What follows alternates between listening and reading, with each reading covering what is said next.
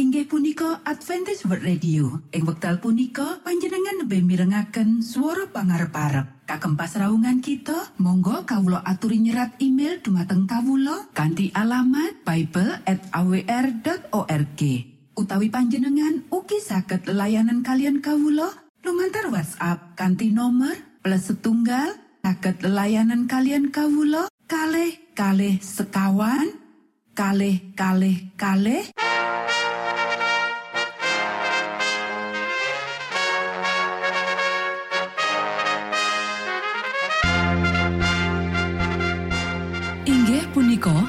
Adventis World Radio ingkang giaran kanti basa Jawi.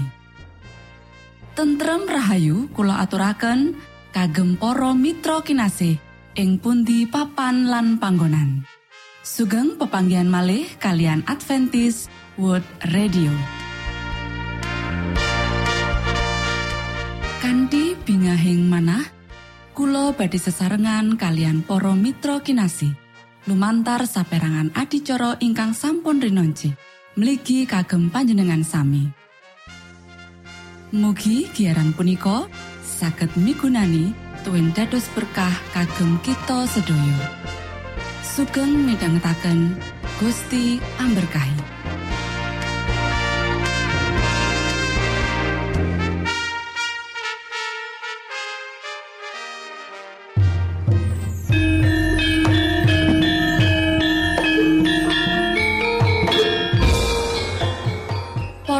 Para pamirsa kinasih ing Gusti Yesus Kristus. Ing wekdal punika kita badhe sesarengan ing adicara ruang kesehatan. Ingkang saestu migunani kagem panjenengan saha kita sami. Tips utawi pitedah ingkang dipun aturaken ing program punika tetales dawuhipun Gusti ingkang dipunnyatakaken ing kitab suci. Semanten ugi sakehing seratan ingkang dipun wangsitaken dening Gusti Allah. Nanging saderengipun monggo kita sami midhangetaken kidung pujian.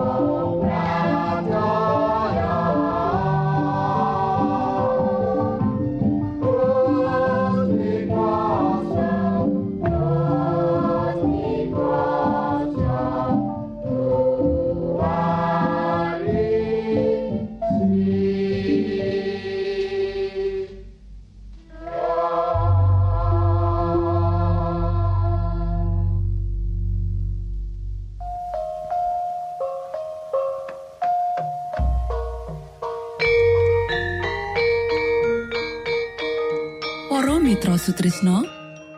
Puji syukur dumateng Gusti ingkang murbeng dumati ingkang sampun kepareng paring wewenngan kagem kita. Satemah saged nglajengaken ruang kesehatan. Pirembakan kita semangke kanthi irah-irahan. Woh-wohan wiji-wijian lan sayuran perangan roti kaping kalih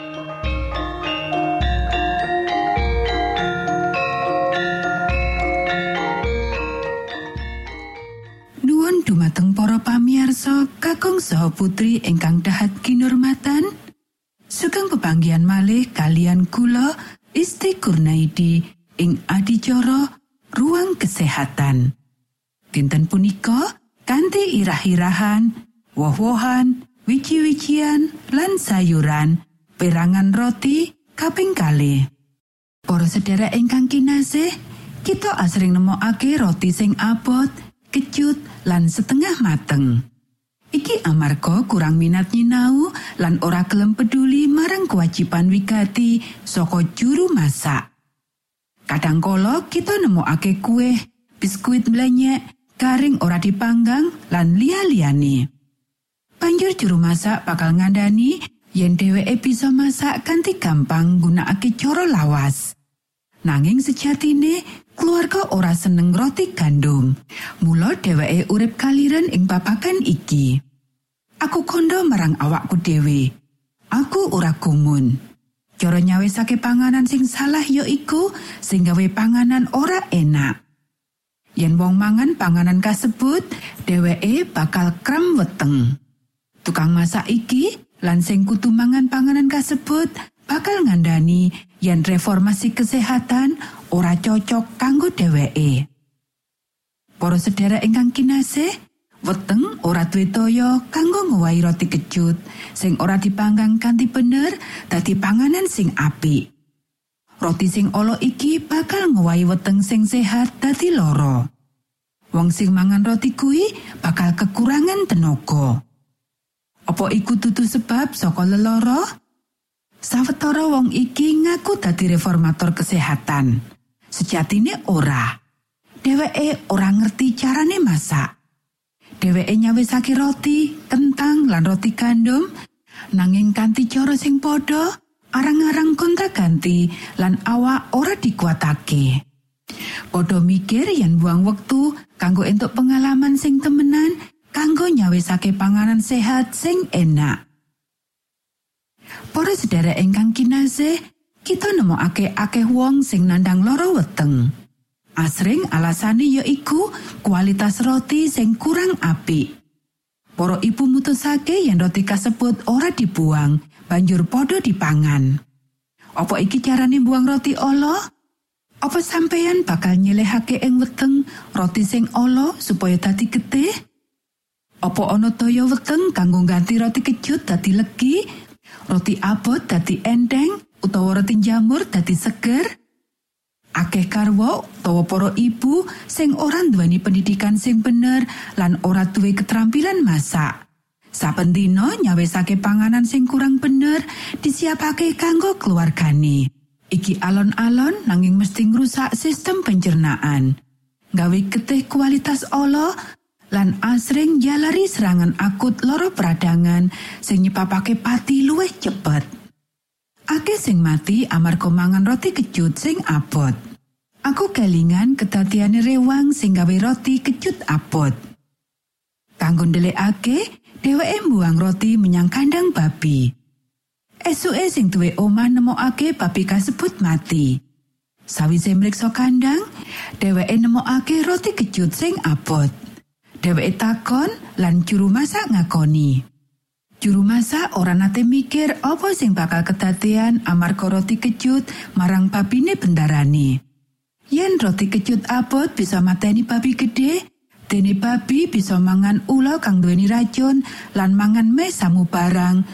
Apa pengaruhe ing weteng menungso sing duweni organ pencernaan sing alus? Matur nuwun, Gusti Amerkai.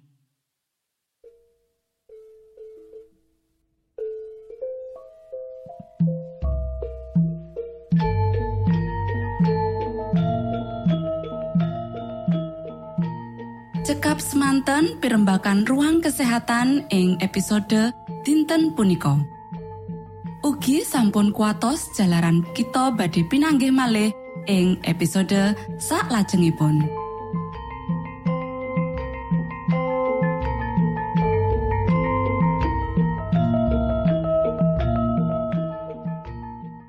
inggih punika adicara ruang kesehatan. Menawi panjenengan gadah pitakenan utawi ngersakaken katrangan ingkang langkung Monggo Kulo aturi. Kinton email dateng alamat ejcawr@ gmail.com utawi lumantar WhatsApp kanti nomor 025 pitu 00 songo songo papat 00 pitu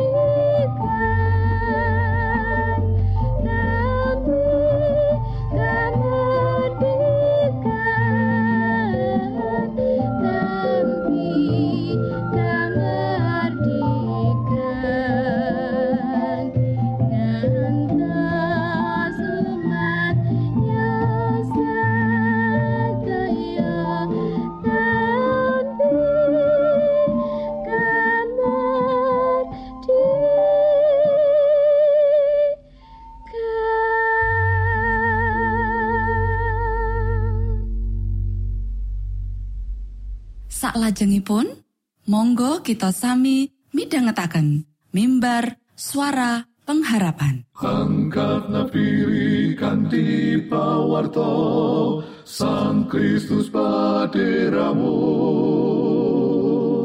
Pro umat samyo puji asmanyo Sang Kristus paderamu.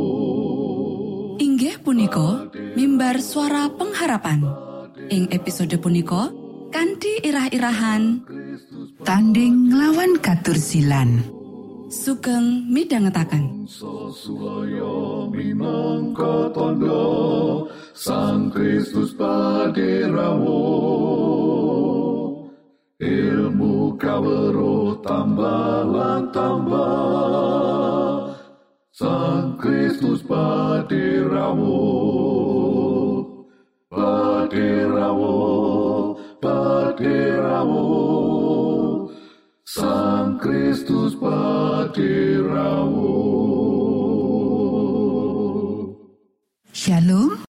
Para pamirsa ingkang kinasih wonten ing Gusti sakmenika kita badhe mitangetaken renungan Sabtu pangandikanipun Gusti.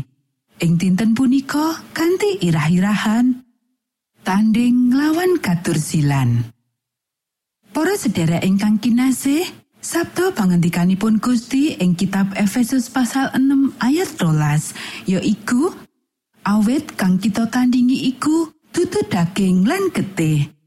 Nanging para pamarentah para panguwasa para panggedening jagat kang peteng iki para rohing katursilan kang ana ing langit. Para sederek Rasul Paulus nggambarake perjuangane awake dhewe ing kitab Efesus pasal 6 ayat 13 gunakake istilah Yunani pale kanggo persaingan antarane wong gulat. Karena gulat dianggap minangka pacawisan kang paling apik kanggo tetandingan. Iku minangka gambaran sing pas babakan gaman mungsuh gaman, tetandingan tangan mungsuh tangan sing kelakon ning palagan. Rasul Paulus nekesake kanyatan perjuangan wong sing padha percaya tetandingan karo kuasane katursilan. Miturut paparan kang gamblang, sadengah jeneng kang kena sinebut ing Efesus pasal siji ayat selikur, para roh ing katursilan kang ana ing langit, Efesus pasal 6 ayat rolas, Rasul Paulus nekesake menawa sakape panguwasa katursilan karo supranatural bakal ditelokake Sang Kristus. Efesus pasal 6 ayat rolas. Nanging sajroning tetandingan apa wae aja nganti ngremehake mungsuh. Rasul Paulus uga ngilingake menawa mungsuhe awake dhewe kuwi dudu mung manungsa nanging para rohing katursilan kang ana ing langit. Sing dipimpin dening senopati kang culika yaiku iblis. Nanging sawetara kita tetep waspada, kita ora usah wedi karo mungsuh kuwi. Gusti Allah bakal rawuh lan manjing karo kita ing palagan iku. Lan Gusti Allah nyawisi prapoting perang lan klambi kerening Gusti Allah dhewe. Sang Kristus nglenggani kayekten tentrem rahayu, iman lan keselamatan sing kita duweni. Uga Roh Kudus. Kanti Gusti Allah ana ing ngarepe awake dhewe lan sikap prapoting perang alas pengadeg, kita mesti ora gagal. Kita bisa waca ing Rom pasal 16 ayat 20, siji Korinta pasal 15 ayat 13 lan 24, lan loro Tesalonika pasal loro ayat 8. Para sedherek ingkang kinasih, pakaryan kita yaiku pakaryan sing agresif, lan dadi wadya balani Gusti Yesus sing setya tuhu. Kita kudu nggawa panji sing kutah getih ning bali wertine musuh. Awit kang kita tandingi iku dudu daging lan getih. Nanging para pamarentah, para panguwasa, para panggedhening jagat kang peteng iki, para rohing katursilan kang ana ing langit. Menawa awake dhewe sarujuk nyeleh prapoting perang iki lan gulung panji sing kutah getih, awake dhewe dadi balane iblis. Lan kabebasno saka kasangsaran lan rerusuh nanging tentrem rahayu iki bakal dipikulei kanthi kelangan sang Kristus sing kagungan swarga. Kita ora bakal nampani pedamen ing kahanan kaya mangkene iku. Cik Ben, perang, perang nganti pungkasaning jaman, timimbang pedamen lumantar pamurtad lang nanggung dosa. Para sedherek ingkang kinasih, Kitab Efesus pasal 6 ayat 10 nganti 20 iki ana gandeng rentenge karo kitab Wahyu. Perangan iki nuduhake wawasan dasar sing padha babagan prastawa pungkasan jaman utawa eskatologi kaya dene motive perang jroning kitab Wahyu. Kita bisa maca ing Wahyu pasal rolas, Wahyu pasal 16 ayat rolas nganti 16, Wahyu pasal 19 ayat pitulas nganti selikur, lan Wahyu pasal rong ayat pitu nganti 10. Karo-karone padha nuduhake umating Allah katempo dening musuh kang ana ing langit lan aktif lan rasa nganti jaman saiki. Karo-karone nuduhake kanggo para umating Gusti supaya mangerteni bab apa sing bakal kelakon ning jaman kang bakal teka. Karo-karone skenario iku kanthi implisit jelasake bab perang pungkasan nalika mungsuh bakal ditelokake sakabehe sakwise iku bakal diatekake jaman anyar maneh kanggo salawase. Jaman anyar ing ngendi kahanane endah mulya umating Gusti Allah sing pungkasan lan pilai musuh kang langgeng bakal kabukten. Matur nuwun, Gusti amberkahi.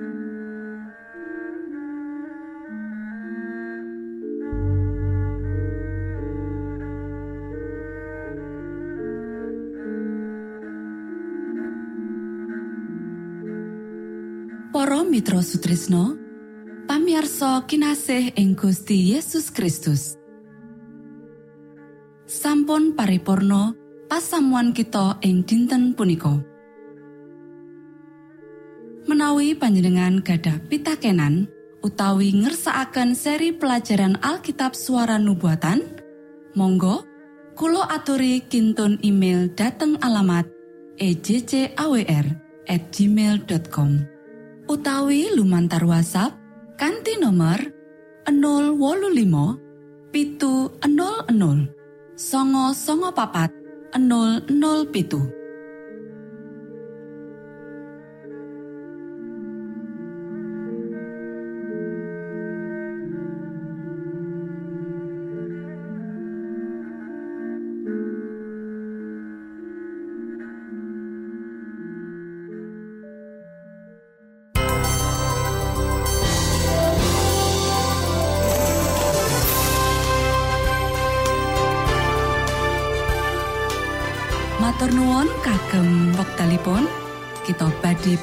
malih ing gelombang ugi wekdal ingkang sami.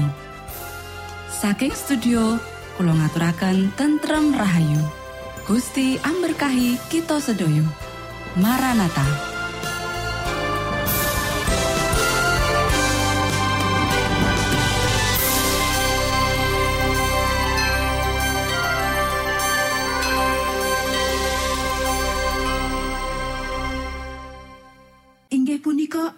Adventist Radio. Ing wekdal punika panjenengan lebih mirengaken suara pangarep-arep. Kagem pasraungan kita, monggo kawulo aturi nyerat email dumateng kawulo kanthi alamat bible@awr.org. Utawi panjenengan ugi saged layanan kalian kawulo lumantar WhatsApp kanthi nomor plus setunggal saged layanan kalian kawulo kalih kalih sekawan kalih kalih kalih